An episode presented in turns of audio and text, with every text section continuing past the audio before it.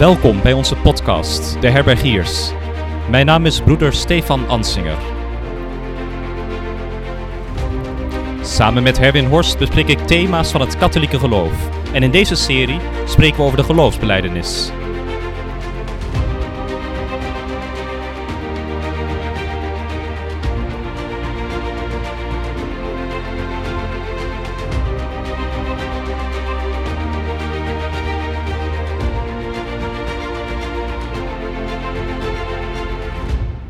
In deze aflevering gaat het over waarom zouden we eigenlijk geloven?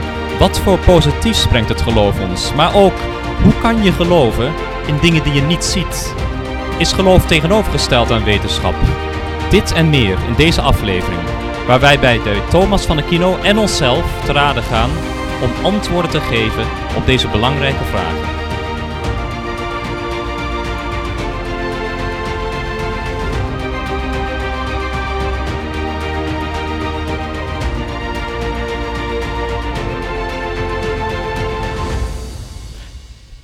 Ja, vandaag een, tweede aflevering over de geloofsbeleidenis. Leuk dat je weer luistert. Eh, leuk dat je er ook weer bij bent, Stefan. Goedendag. Ja, Hallo. graag. we zijn, We zijn er weer. Ja, vandaag Na een lange na dag. een hele lange dag, na een vermoeiende dag, maar we zijn er weer. Ehm, vandaag dus een nieuwe aflevering over de geloofsbeleidenis. Een introductie 2.0, nadat wij ehm, de afgelopen afleveringen een eerste introductie hebben gegeven. Ik haal nog eventjes kort terug wat we daar hebben besproken. Ehm, we hebben aandacht gegeven aan ehm, wat geloof is. Ehm, we hebben onderscheid gemaakt tussen het materiële object van geloof. Dat wat wij geloven over het formele object. En wat is dan wel het formele object van het geloof? Dat is God zelf. De persoon. Exact. Daarnaast hebben wij het kernthema van ja, deze serie ehm, geïntroduceerd, de geloofsbeleidenis. Eh, waarbij we hebben gezien dat de geloofsbeleidenis eigenlijk een, samenvatting is van het geloof. Ehm, hè, zodat ook iedereen het kan begrijpen en, en een beetje in behapbare ja, proporties het, het geloof kan, ehm, kan begrijpen en eh, tot zich eh, kan nemen. Vandaar ook de twaalf artikelen van de geloofsbeleidenis. Ehm, ja, en in deze aflevering gaan we wat meer in op de vraag ehm, waarom we zouden moeten geloven. Ehm, wat het geloof voor ons voortbrengt. en waarom je zou moeten nalaten om niet te geloven. Ja, en om daar toch nog eventjes op in te gaan, is het nog wel eens goed om wat meer in te gaan op het geloof zelf. We hebben de eerste afleveringen we voornamelijk stilgestaan bij wat geloof is. Eh, het is ook wel eens goed om te kijken hoe je moet geloven. Ehm, Stefan, heb je daar een, eh, een idee of een mening over? Oeh, hoe je moet geloven. Ja, wat is er, no- wat, dat is zo'n algemene vraag. wat, wat is er nodig om, om te geloven? Laat ik het eens anders stellen. Ehm, goh. Dit, het probleem is natuurlijk dat je er zoveel mee bezig bent. Als vanaf het moment dat je dan daarover moet reflecteren, denk je van waar zal ik beginnen? Hoe, hoe moet ik geloven? Ja, het, het geloof is het hele leven niet. ja, maar als, als je het zou Dus- moeten uitdrukken in, eh, laten we zeggen, een bepaalde houding of... ehm, stel, stel, ik zou Hmm. zeggen, ik geloof. Ehm, wat betekent dat voor hoe ik ja, mijn dagelijks leven in zou moeten richten? Ja, dat verandert alles. Dat verandert ons hele perspectief op de werkelijkheid.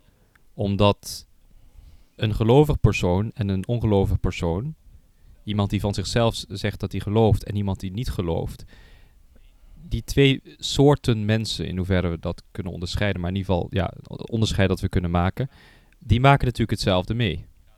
Die gaan allebei naar een universiteit of naar hun werk die zijn getrouwd of ongetrouwd. ehm, gaan s'avonds een keer naar het café.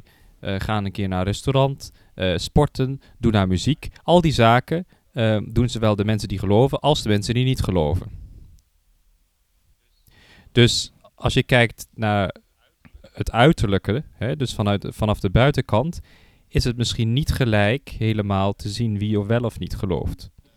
Ehm, als we nou dieper ingaan op wat geloof is, dan zou ik ook zeggen dat geloof te maken heeft met die eh, verbinding, met die relatie, met die eh, ja, verhouding tot Christus, waardoor dus een tweede persoon, die natuurlijk eigenlijk de bron is van alles wat we doen en van alles wat we meemaken en van alles wat bestaat, maar die persoon die nodigen we uit in ons leven. Dus daar hebben we omgang mee, zouden we kunnen zeggen. Die is bij ons als een hele goede vriend die altijd naast ons loopt en aanwezig is.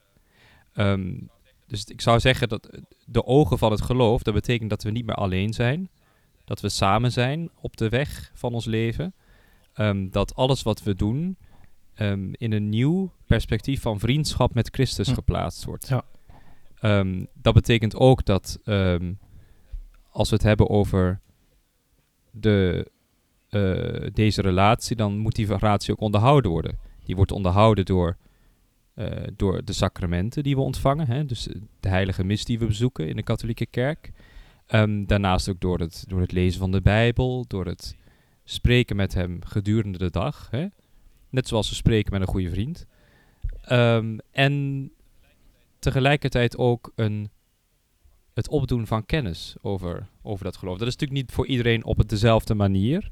Maar die kennis kan op allerlei verschillende manieren tot ons komen. In mijn geval is dat op een universitair niveau.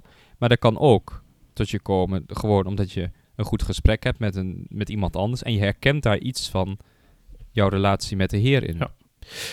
Ja, wat ik zelf ook wel interessant vind, Stefan. ehm, je, je, je, schetst vooral ook ehm, het, het relationele aspect. Je gaat een relatie in principe aan wanneer je gelooft. Ehm, wat ik nou interessant vind, is ook om te kijken wat, eh, wat de catechisme van de katholieke kerk erover zegt. En ehm, geloof is Hmm. natuurlijk een van de, eh, van de goddelijke deugden. Ja, Ja, theologale deugden. Dus die zijn ook gericht op God. Hè? Het, de- het is een basishouding waarop je de relatie met eh, God vormgeeft. Mhm. En die, die zijn in eerste instantie is het ook een gave van God zelf aan ons. Hè? Eh, ze stellen ons ook in staat om eh, ja, als zijn kinderen eh, het eeuwig leven te bewerkstelligen. Ehm, dus dat vind ik ook wel een interessant aspect om daarbij te belichten. Ehm, en daarbij, je zegt ook, ook kennis opdoen over het geloof. Ik denk dat dat ook, ook zeker belangrijk is. Je wilt het met je verstand wil je het begrijpen en met je hart ehm, en met je mond verkondigen of hè, naleven. Mhm. Ehm, hè, dat geloof ook veel verder gaat hè, dan het, het intellectuele aspect. Ehm, dat vind ik wel een mooie passage uit de Bijbel als je kijkt naar eh, Jacobus 2. Eh, die heeft het daar ook over, hè? Mhm. dat ook demonen en mensen zeg maar die niet in God geloven, nou ja, niet naar God leven, wel in hem geloven. Maar ze verzetten zich tegen hem.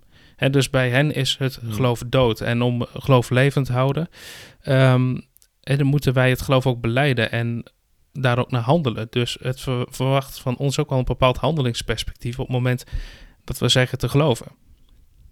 Woord bij je daad Zeker. voegen of andersom.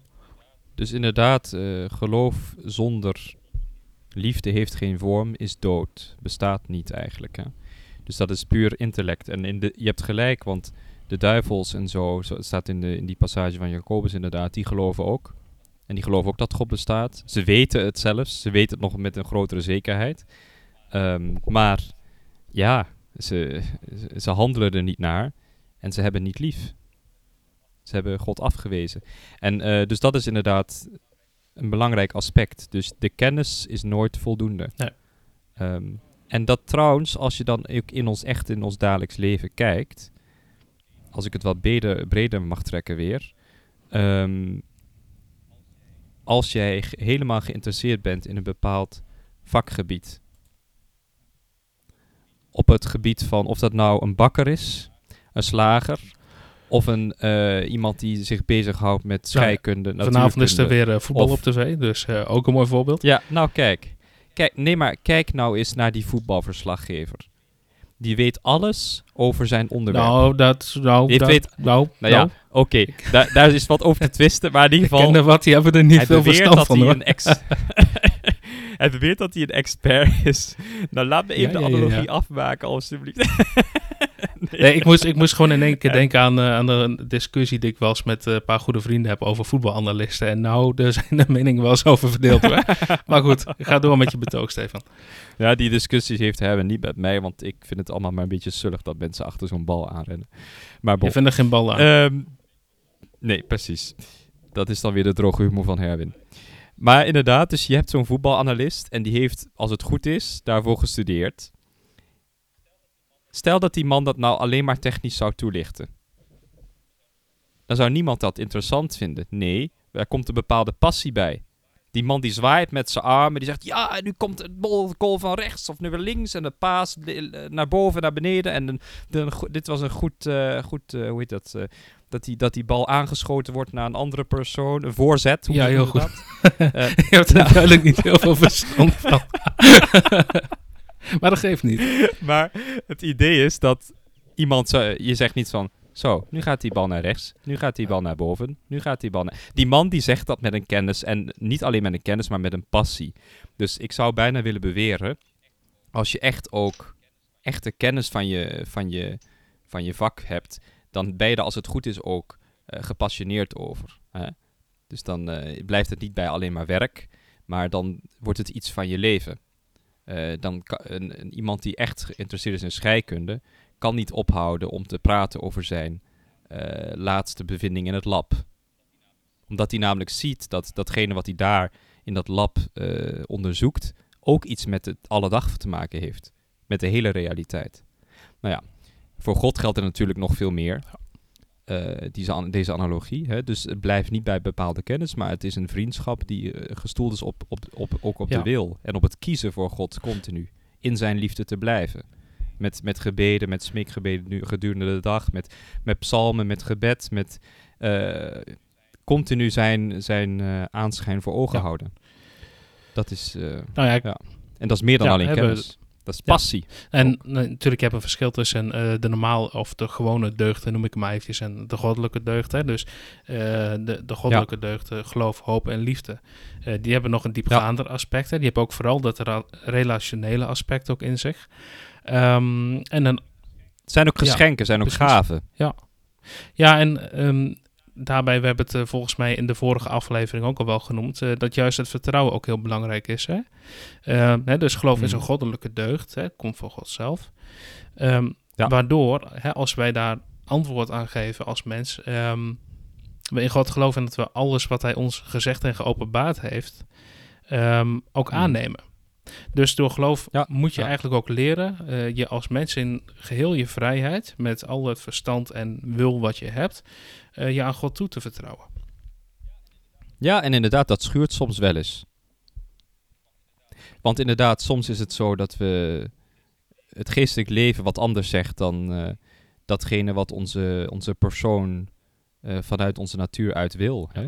We zijn natuurlijk ook aangetrokken tot, tot het kwade in eerste instantie zijn we goed geschapen, onze schepping is goed, maar na de zondeval hebben we ook inderdaad, daar hebben we het vaak over gehad, een tendens naar het kwade. Dat is ook wat Paulus zegt. Paulus zegt, oh verhip, vervelend. Um, ik wil graag het goede doen, maar het lukt niet. Waarom doe ik elke keer het slechte? Want ik weet, er is een, een wet in mij, een geweten, een, een weten wat het goede is, maar waarom lukt het mij elke keer niet? Dat, dat komt omdat daarvoor de genade nodig is. Hè? Dus uh, wij kunnen niets alleen. Nee. We hebben altijd Gods genade nodig. En Gods theologale deugden komen van hem uit ja, in eerste absoluut. Instantie. En ook vooral de genade natuurlijk wanneer we falen en wanneer we vallen. Um, ja. Maar goed, het, toch eventjes goed om, om dit ook uh, behandeld te hebben. We hebben een vorige aflevering dus vooral gekeken wat geloof nou is. Um, objectief. Um, ja, en hoe je gelooft. Uh, ja, men zegt ook, hè, het geloof is voor iedereen verschillend. Maar het is toch wel denk ik wel belangrijk om ook in deze aflevering, als we wat meer ingaan waarom we zouden geloven, dan heb je toch ook de, de wat-vraag en de hoe-vragen moet je toch in zekere zin wel um, voor jezelf scherp hebben, denk ik. Um, dat het toch goed mm. is uh, dat we stilstaan bij het feit dat geloof dus ook een, een goddelijke deugd is. Hè? Uh, niet zomaar een deugd, nee, het is een mm. goddelijke deugd. Wat dus echt gaat over een relatie waarin je middels vertrouwen, overgave en gehoorzaamheid onder de genade van God, want die hebben we allemaal nodig. Hmm. Uh, ja, we daar op onze eigen manier gaandeweg in het leven in ontwikkelen. Zeker. Dus het is, en, het is geen praktische handleiding zoals dat je in IKEA-kast in elkaar schroeft van, uh, nou ja, dit is het. Als je dit doet, dan kom je er. het, is, het, is net, het, het werkt in het leven. Je kunt werken aan de deugd en werken aan de relatie. Aan iedere relatie die je als mens hebt in je leven ja, dat ontwikkelt zich door en door. Um, dat is, dat is ook heel normaal. Maar het is goed om die aspecten te belichten hier, denk ik. Zeker.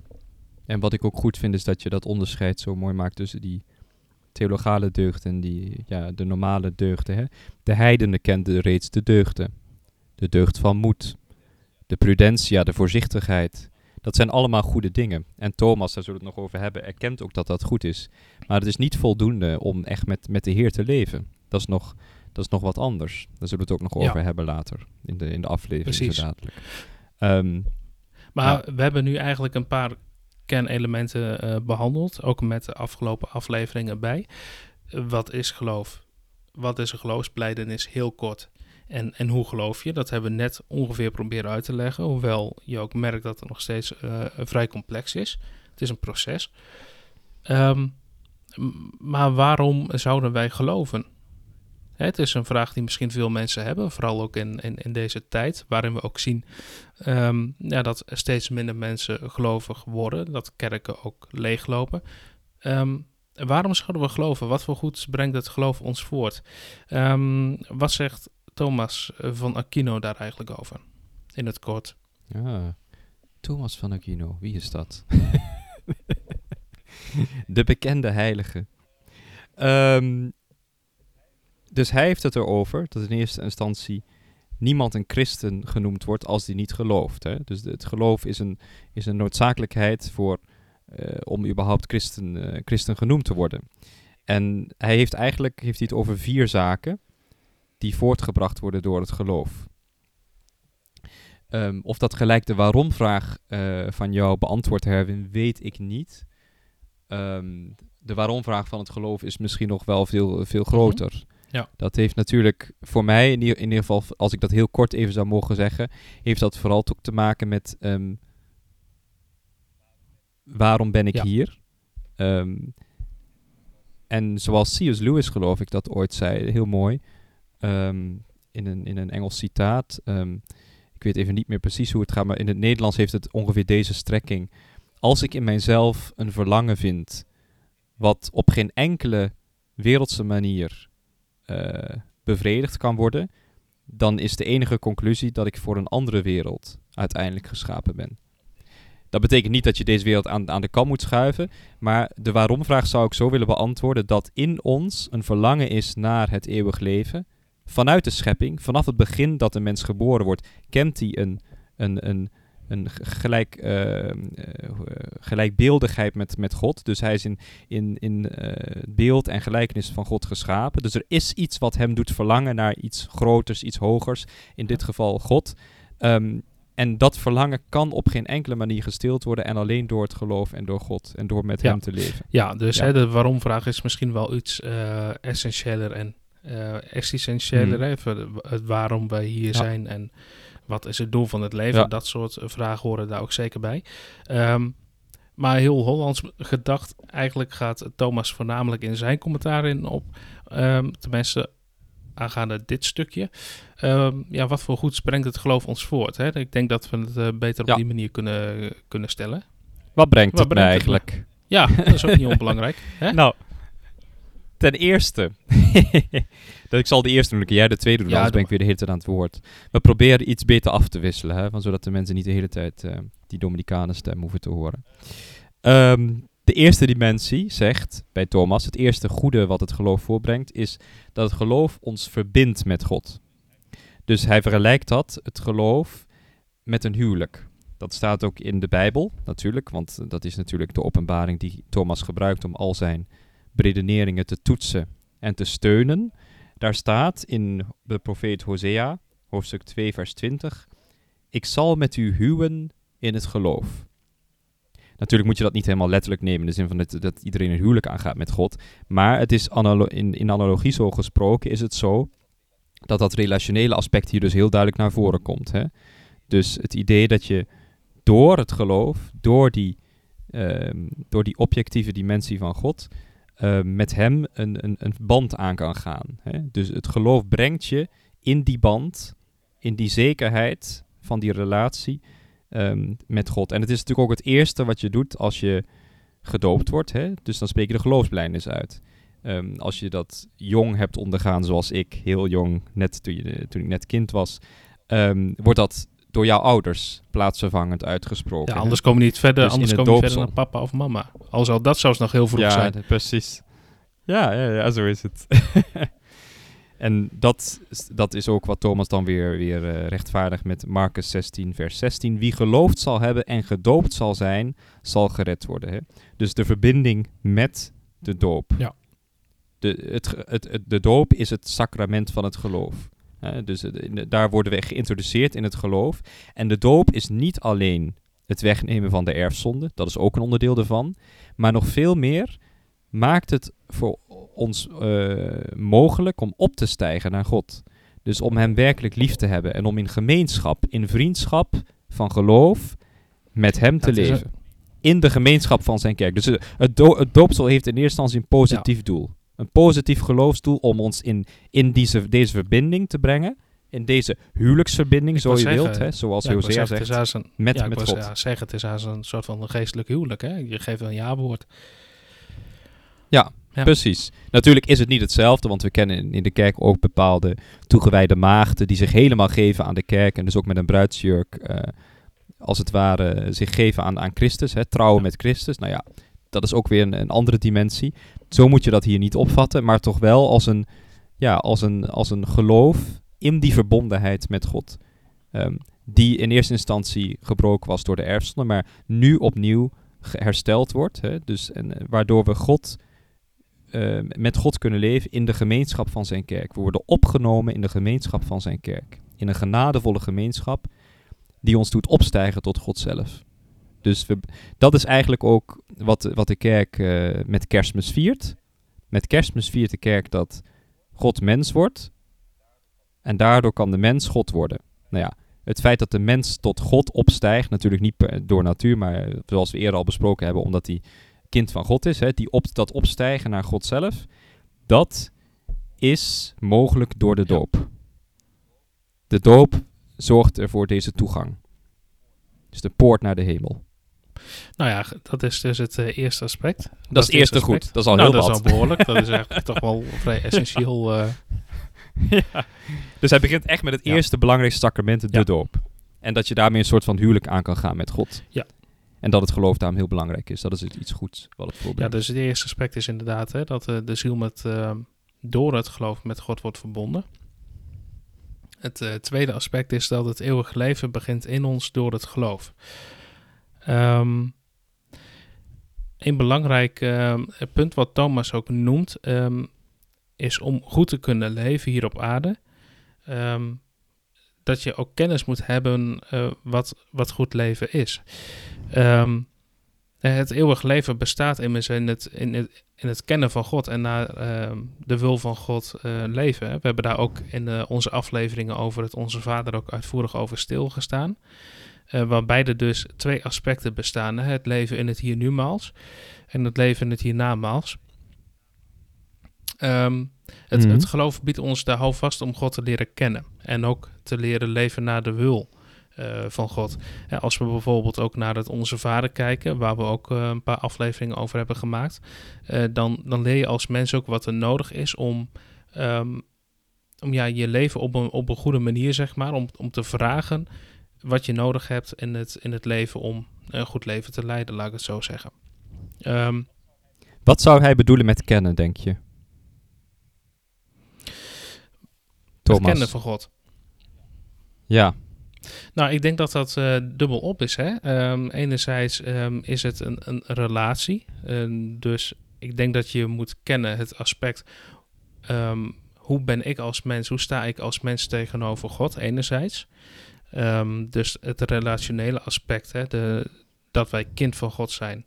En dat God onze vader is.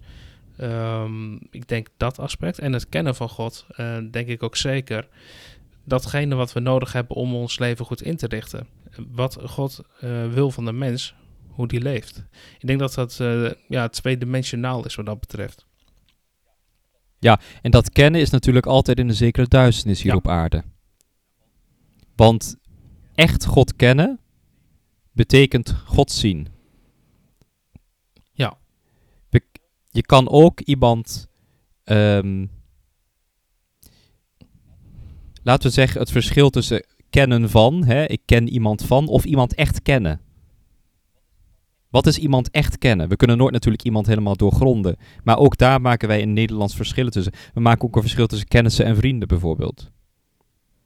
Ehm, het kennen hier, waar, waarover Thomas het heeft, is een kennen in sterke zin, zou ik zeggen. Dus echt. eh, en natuurlijk, je kan God nooit doorgronden en zo. Maar we kunnen onszelf ook niet kennen. We hebben zelf ook iemand, iemand nodig die ons door en door kent om onszelf te kennen. Hè? Dus we kennen onszelf in diegene die zichzelf compleet kent, Ja. namelijk God. Maar ja, daar wordt het heel Nou ja, filosofisch. wat, wat, het, wat het punt denk ik ook is, en dat is een van de aspecten van ons mens, is dat wij, een be- dat wij beperkt zijn, dat wij begrensd zijn eh, in ons kennen, in ons zien, eh, in ons alles. Mhm. eh, en dat God dat niet is. Dus dat je ehm, Mhm. ja, eigenlijk ook je vertrouwen moet stellen op de kennis van iemand die groter is dan jij. Ehm, Ja. Daarom wordt ook Johannes aangehaald, hè? Johannes 17, vers 3. Ehm, om God werkelijk te kunnen kennen is geloof een noodzakelijke voorwaarde. Nou, we hebben zojuist geloof gehad Mhm. dat geloof ook een bepaalde mate van overgave, een eh, bepaalde mate, een bepaalde relatie vereist, hè, wat wij als mens moeten aangaan. En toch ook zeker een bepaalde vertrouwen. Ehm, en daarbij behoort Mhm. vaker het, eh, het woord, eh, ja, ehm, de- de- dat je, de, dat je de, de geest van een kind moet hebben. Hè? Ehm, Mhm. en, ja, dat, die vertrouwen moet je ook echt, echt kunnen, kunnen hebben. Volgens mij maakt eh, Thomas in het boek daar ook wel. ehm, nee, dat is niet Thomas. Dat heb ik ergens anders gelezen. Maar dat, maar dat het ook wel gek is om aan iets vast te houden. wat voor ons mens zeker is. Dat wij moeten opgeven. of dat het misschien een kleine gave van ons vraagt. om iets veel groters te kunnen ontvangen. wat wij niet kunnen zien. En dat is het vertrouwensperspectief. eh, waar we ook op moeten vertrouwen. En ik geloof dat die tweede dimensie van het eeuwig leven, dat dus al Ja. hier begint. Dat is het tweede goed. Het eerste goed was het huwelijk. Hè? Dus het huwelijk met God als het ware. Dus dat we in een verbinding treden met God door het doopsel. Het tweede is dat het eeuwig leven begint in ons door het geloof. Nu al hier op aarde. Hè? We, ga- we maken kennis met, met God die zelf het eeuwig leven is. En dus begint het eeuwig leven al hier. Hè? En we hebben toegang tot God door zijn zoon, die hier op aarde rondgelopen heeft, door de sacramenten, hè, die, nog, die nog steeds doorgaan. En da- daardoor wordt dat eeuwig leven begint al bij ons. En dat is dus die tweede dimensie. En de derde dimensie gaat dan over het feit dat het geloof richting geeft aan ons huidige leven. En ik denk dat dat goed aansluit bij dat kennen. Hè? Dus eh, wat we net gezegd hebben bij het tweede goed, het kennen van het geloof. Dat is eh, het kennen van, van God. Dat begint nu reeds hier. Maar wat kennen we dan van God? Dat is natuurlijk een interessante vraag. Want kent iemand die heel intellectueel is en heel veel weet, theologie gestudeerd heeft, ik weet niet wat, kent die meer van het geloof? Nou ja, misschien als het gaat om de, om de theologie en zo. Maar wat is een, een echt kennen is, zoals we net al zeiden, is gaat altijd gepaard met een passie ook, hè? dus met een liefde. Dus geloof en liefde horen bij elkaar, anders is het geloof dood.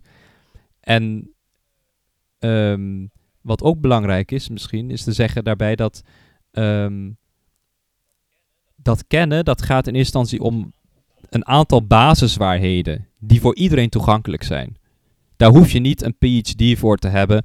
Daar hoef je niet een eh, PhD voor te hebben om, om daar echt eh, eh, jezelf daarin te verdiepen.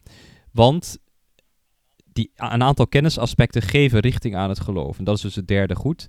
Want de mens moet weten wat nodig is om goed te leven. En kan dat niet allemaal door individuele studie te weten te komen. En daarom geeft het geloof alles wat noodzakelijk is om goed te kunnen leven. En dan heeft Thomas het over een aantal basiswaarheden. die iedereen kan kennen door het geloof. Dus zowel eh, de houthakker, laat ik het zo zeggen, als de, meest intelligente eh, Stephen Hawking of wie dan ook. Ehm, er is één God die het goede beloont en het kwade straft. Nou ja, dat kunnen we door het geloof Ja. weten. Dat is een basiswaarheid. De tweede basiswaarheid die Thomas noemt, is dat er een ander leven nog bestaat. Dus dat er, dat er een, een, een eeuwig leven is. Ook een, een waarheid die we in de volksdevotie en bij de meest simpele mensen ook tegenkomen. En ten derde dat we daardoor worden aangetrokken het goede te doen en het slechte te vermijden. Ja. Dus God bestaat. ehm, God bestaat eh, en is de schepper van de wereld. En hij, hij, hij, hij, hij leert ons dat er een eeuwig leven bestaat, wat reeds nu begint. En we worden aangetrokken door het goede en dat moeten we ook doen. En het kwade moeten we vermijden. Nou ja, dat zijn een aantal basiswaarheden die de meeste mensen ook wel hebben. De meeste mensen hebben ook wel een gevoel voor wat goed en kwaad is. Nou ja, dit soort basiswaarheden die door het geloof gegeven worden, ehm, ja, die, die zijn voor, voor eigenlijk voor iedereen redelijk toegankelijk. En het, eh, het kennen van het eh, goed en het kwaad, dat is eigenlijk ook min of meer een vierde aspect wat eh, Thomas hier noemt. Hè? Ehm, we winnen door, we overwinnen door het geloof ook de bekoring. En er Mhm. bestaan eigenlijk twee, ehm, twee extremen. Ehm, ook als we dus kijken naar de bestemming die we als mensen hebben. Je hebt aan de ene kant hemel, dus in aanwezigheid van God of de hel. Een situatie Mhm. dat slechter Mhm. is als wat we nu op aarde hebben. De constante afwezigheid van God. Dat je als mens ja, definitief nee zegt tegen God en hem ook kwijtraakt. Dat is een perspectief voor de toekomst. Maar op aarde heb je natuurlijk een, een strijd. We hebben daar in het Onze Vader eh, de afleveringen ook over gehad.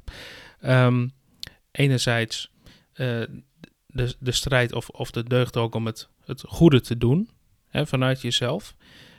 En dat kunnen en het slechte na te laten. Ehm, Mhm. die, die deugd, die kunnen we leren op basis van het geloof.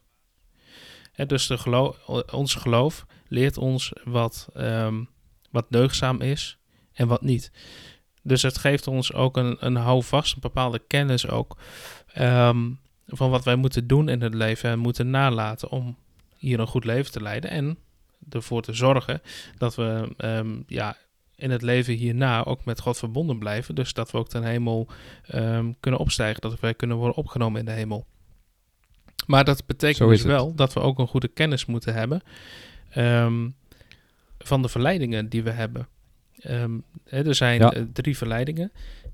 Die van de duivel, eh, de wil van het vlees en die van de wereld. En het is de kunst in het leven om daar eh, ja, aan de geneugten van wat we hier op aarde kunnen hebben, dat we daar niet al te veel aan vasthouden. Want sommige ehm, geneugten kunnen heel fijn zijn eh, en hier op aarde voorspoedig zijn. Ehm, als we puur afgaan op de wil van het vlees eh, en, en de wereld en eh, ons laten verleiden door de duivel.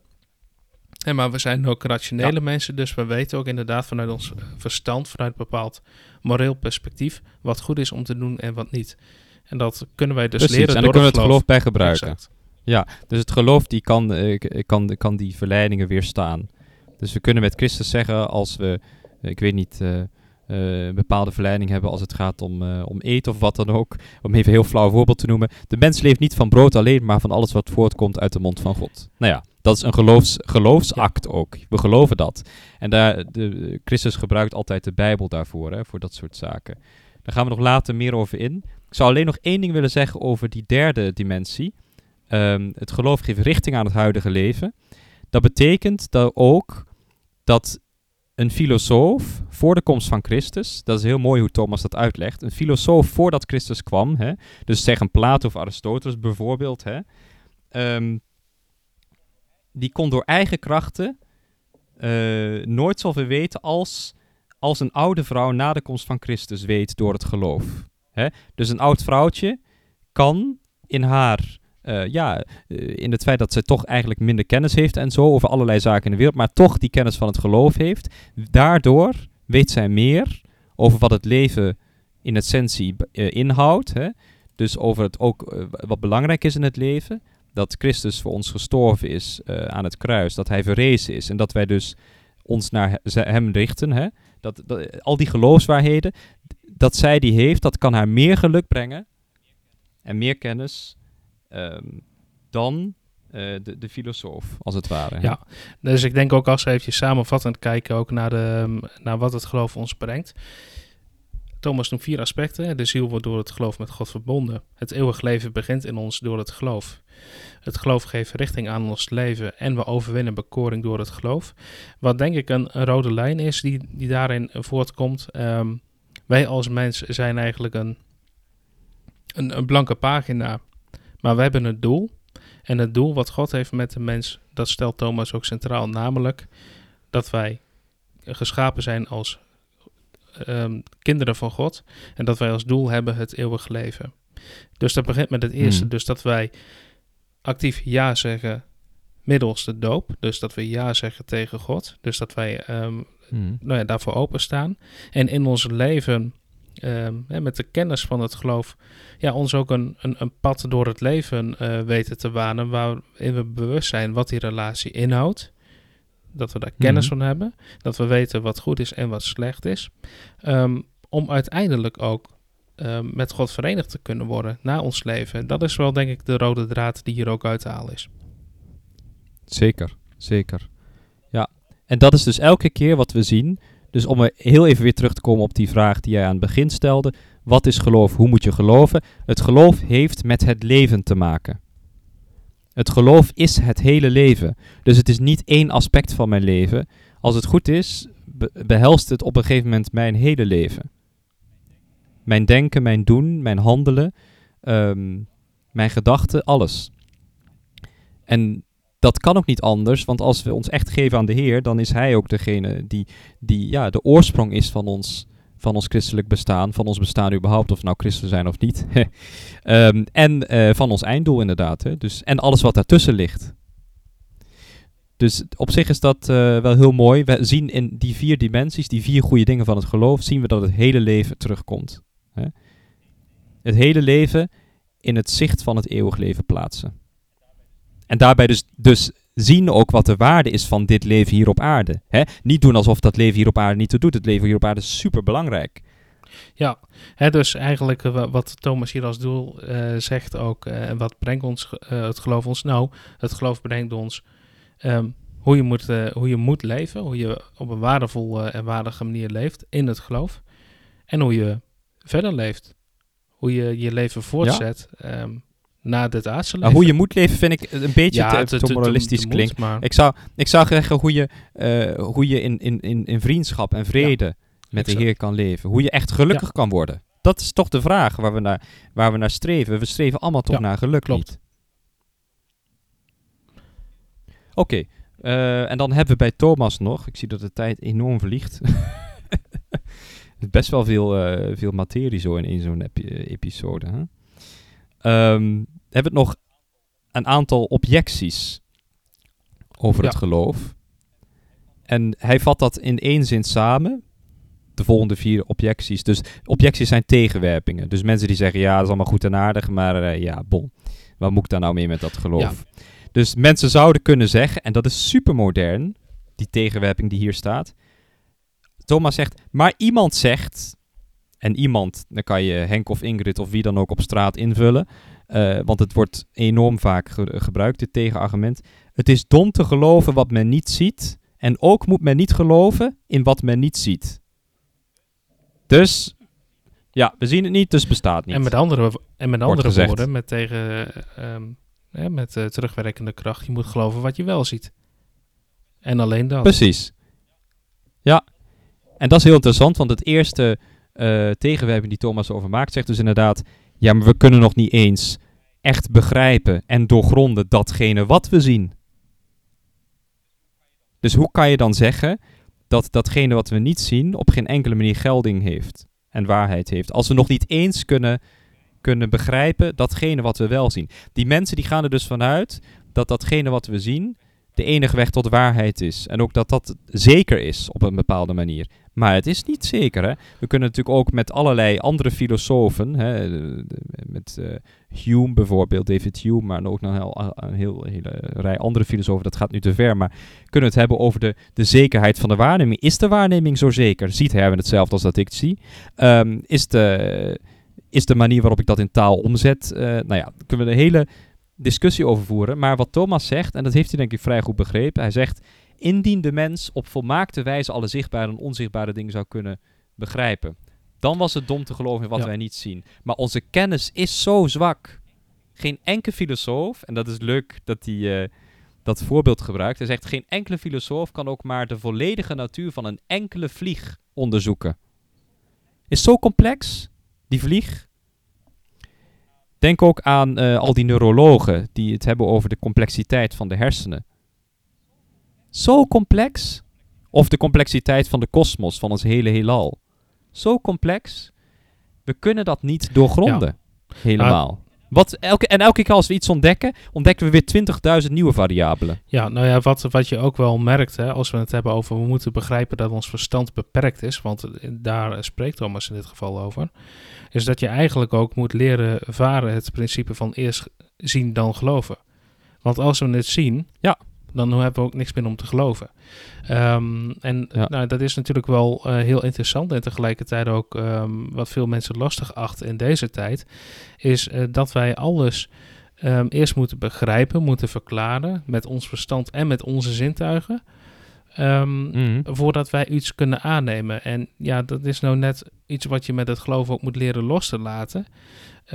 Plus dat we er ook vanuit een bepaalde nederigheid eh, toe moeten geven dat wij een beperkt verstand hebben, dat wij Ja. ook niet alles zien. Ik zou aan die mensen willen vragen: Heeft u uw vrouw lief? Ja, en hoe gaan we dat meten? Hoe gaan we dat, hoe gaan we dat Ja, testen? hoe gaan we dat meten? kwantificeren? Ja, er zijn ook gewoon heel veel dingen die niet, eh, niet te vatten zijn in. Heel veel belangrijke zaken in het leven zijn nou eenmaal niet kwantificeerbaar. Dus in, cij- in en cijfers zijn uit te in- drukken betekent dat dus. Ja. en zijn toch waar. En daarbij zou ik ook nog willen opmerken dat de, de wetenschap is één domein van waarheid. Er zijn vele andere domeinen van waarheid. Er zijn ook de kunsten, er is de filosofie. De, de wetenschappelijke methode, die uitgaat van de waarneming, van de empirie, kan zichzelf niet bewijzen. Het feit dat alles ehm, alleen waar is, of het idee dat alles alleen waar is als het meetbaar is, die uitspraak kan je zelf niet meten. Dat is een vooronderstelling. Dat is iets waar, we van, eh, waar een wetenschapper van uitgaat. En dat heeft zijn recht, die, die, die, die hypothese, maar in het domein van de wetenschap. Maar er zijn nog 20.000 andere domeinen. Ja. Ehm, dus er is zoveel Maar over ook zoiets, hè, wij worden nu vandaag de dag ook heel erg beïnvloed door hetgeen wat we zien op, eh, op tv of op social media. Er bestaat ook zo'n term hè, als Ja. mediawerkelijkheid. De manier waarop eh, iets bij ons wordt gepresenteerd bepaalt hoe wij er naar kijken. Terwijl we geen eens weten of we wel het complete plaatje zien, letterlijk en figuurlijk. Dus dat, Ja, dat is een heel precies. interessant iets. Ehm, maar de Nog één voorbeeld. Ik weet dat we weinig tijd hebben, maar dat maakt niet zo heel veel uit. We maken het iets langer, want het is zo interessant. Als je kijkt naar een kaars in een kerk, dan kan ik zeggen: Oh, wat mooi. Iemand heeft een kaars opgestoken voor een gebed. Aangestoken voor een gebed. Wat mooi. Maar je kan ook zeggen, zoals de wetenschapper. Wat zegt de wetenschapper? nou ja, dat is een kaars. Hè? Dat ding dat brandt. Dat Ja. geeft warmte. Ja. Er is een chemische reactie geweest eh, waardoor, dat, eh, waardoor dat ding licht geeft. Het, het geeft licht. En nou, over de definitie van licht hebben we het niet, want iedereen weet wel wat licht betekent. En wie heeft gelijk? Wie Beide. heeft gelijk? Precies, beide hebben gelijk. Maar ga nou niet zeggen dat ik de enige ben die gelijk heeft. Dat is de arrogantie van een wet kan een arrogantie zijn van een wetenschapper. Beide Ja. hebben gelijk. Gaan we meteen door naar het eh, tweede punt. en ook gezien de tijd. Eh, dat, Excuus voor deze kritiek en deze polemiek. nou, dat gaat over de nederige kennispositie van de mensen. En dat gaat eigenlijk al in ehm, op het vorige punt. Ehm, wij mensen kunnen niet alles zien en wij mensen kunnen niet alles verklaren. Ehm, en dat sluit dus eigenlijk ook eh, aan op, op dit punt wat Thomas maakt. Want wat, wat zegt hij? Het is dom om juist iets niet als waar aan te nemen, omdat je het niet begrijpt. Ehm, dat kan ik bijvoorbeeld doen. Nou, ik, ik heb zelf ehm, geen, geen ene fluit verstand van, ehm, van hoe het lichaam werkt, zeg maar. Dus ik, ik kan dan wel heel makkelijk een, een eh, ja, noem het maar wat, een, een neuroloog of, of wie dan ook kan ik tegenspreken op zijn kennis, omdat ik het niet begrijp. Maar heb ik daarmee gelijk? Nee. Ik moet daarin dus erkennen dat ik te weinig kennis heb om iets wat waar is te kunnen begrijpen. Nou, nu hebben we het nog maar over mensen onderling, maar het, het wordt dus nog veel gekker, kun je zeggen, als je de autoriteit van God eh, gaat ondermijnen. Want als je zegt dat Mhm. de autoriteit waarmee God spreekt en de manier waarop Hij zich aan ons openbaart, dat dat niet waar is, dan ga je dus ook voorbij aan het feit, ehm, de autoriteit van God. Terwijl er ook zeker Mm. in het geloof een bepaalde hiërarchie is. Hè? God staat nog steeds boven de mens als, eh, als schepper. Ja. Ehm, ja. Even, ja. Ik denk belangrijk is om te zeggen dat even een kleine eh, context. eh, bij Thomas, in, in deze tijd waarin we leven, kunnen zeggen: Ik geloof niet. In de tijd van Thomas was dat onmogelijk. Iedereen geloofde dat er een God was. Dus dat is een wereldbeeldverschuiving van de moderne tijd. In de moderne tijd kunnen mensen zeggen: Ik geloof niet in God. Dus wat Thomas doet hier, als hij die redenen aan, aan die objecties eh, aangeeft, hè, die tegenwerpingen, dan hij kan alleen maar in het gelovig perspectief denken. Hij kan niet niet geloven. Omdat hij in een tijd leeft waarin iedereen gelooft. Dus dat is één ding. Tweede zou, wat ik zou willen zeggen inderdaad... Dus eh, je hebt, je hebt helemaal gelijk. Hij zegt... Je gelooft toch ook een, een dokter? Je gelooft toch ook iemand die autoriteit heeft? Waarom geloof je het dan niet als God naar je toe komt? God, want God komt naar ons toe in Jezus Christus. Hij heeft op deze aarde rondgelopen. Jezus Christus heeft niet gezegd, ik ben een profeetje. Nee, hij heeft gezegd, ik ben werkelijk de Zoon van God. Dat is ook waarom die veroordeeld is en waarom hij aan het kruis geslagen is. Vanwege het feit dat dat natuurlijk een godslastering was. Want, want hij zegt, hij maakte zich in die zin gelijk aan God. Nou ja, wij geloven in de katholieke kerk dat Jezus volledig God en volledig En mens hij is onze redder. Een En- dokter kan ons genezen, Ja, maar en- Jezus is de enige die ons kan redden. En hoe kan je wat weten met zekerheid? Nou ja, als God zelf spreekt. En God zelf heeft gesproken in zijn zoon. In zijn zoon Jezus Christus. Het derde punt, de derde tegenwerping die Thomas gebruikt. Hij zegt, indien de mens slechts zou willen geloven wat hij kent, dan zou hij niet zeker kunnen leven in deze wereld. Want hoe zou iemand kunnen leven zonder te geloven? En dan gebruikt hij eigenlijk de natuurlijke dimensie van het geloof. Dan zegt hij, want je gelooft toch ook dat je vader hebt? Geloof je dat niet? Geloof je niet dat eh, Darwin eh, bestond? Geloof je niet dat, ehm, dat Homerus eh, een prachtig geschiedenisboek geschreven heeft? Geloof je dat? Dan geloof je toch ook allemaal? Hè? Dus op een natuurlijk niveau geloven mensen natuurlijk altijd wat. Ehm, er is ooit iemand die een liedje heeft geschreven ik, ik geloof in jou en mij. Nou ja, dat is natuurlijk niet het geloof van de kerk, maar het is wel een geloof ook. Hè? Dus mensen die elkaar, eh, voor elkaar iets uitspreken. Dus in die zin geloven is een woord wat we continu in ons dagelijks leven gebruiken. En dan zegt Thomas volgens, ja, maar waarom geloof je dan God niet? Want God heeft ook tot je gesproken. In, in, in Jezus Christus. Waarom gelo- geloven we al die andere getuigenissen wel? Hè? Terwijl de getuigenis van, van de van apostelen, die toch zeer, ja, historisch ook zeer interessant is. Hè? Dus eh, omdat zij eh, hebben vrij snel na de dood van Christus en na de verrijzenis is, is sne- snel, vrij snel de evangelie ontstaan, de brieven van Paulus, al die zaken. Dat zijn getuigenissen van, van het leven Ja. van Christus. Waarom geloven jullie dat? Nou, dat is in principe, dat is in principe ook meteen het laatste Ja. aspect, hè, de getuigenissen van het geloof. Ehm, Ja. Als we het hebben dus over de kennis rijk verder dan ons individu, dan, dan accepteren we ook het feit dat er een bepaalde traditie ontstaat. Hè, een kennistraditie. Ehm, Hmm. En de traditie hebben wij natuurlijk ook wel in de kerk. Hè? Ehm, eh, we hebben dat met ehm, het feit dat wij een paus hebben, een kerkelijk leider, hè, die, dus teruggaat naar, eh, naar Petrus. Dus dat we daar een bepaalde successie in hebben. Eh, de apostelen die natuurlijk het, het, het, het geloof verkondigden en nou ja, daarin ook een, een zekere rol hadden. De, de wonderen die, eh, die Christus heeft gedaan, behoren allemaal tot de getuigenissen van het geloof. En als wij die Mhm. getuigenissen en die wonderen niet, eh, eh, niet, niet geloven, Ja, precies. Ja, dus inderdaad, om, God bewijst dat wat het geloof ons leert, dat dat waar is. En dan zegt Thomas over dan, want als een koning een brief zou versturen, verzegeld met een zegel, dan zou niemand durven zeggen dat die brieven niet door de koning gewild zijn.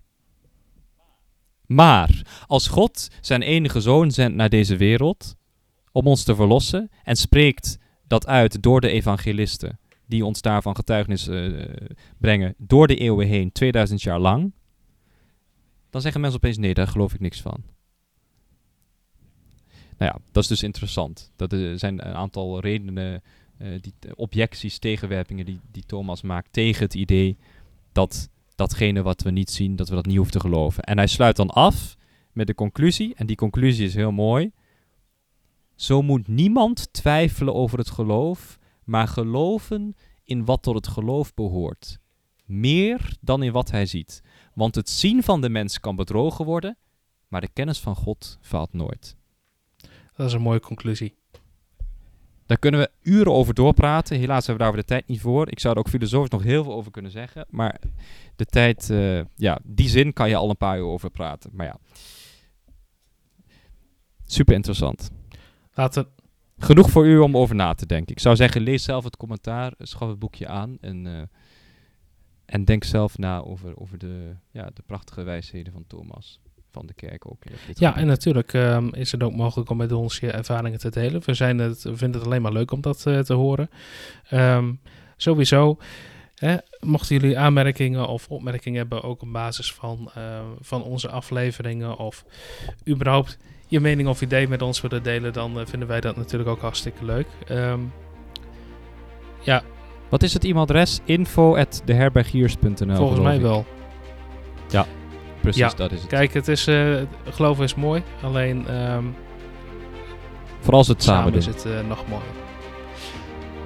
Zullen we het geloofsplein eens bidden?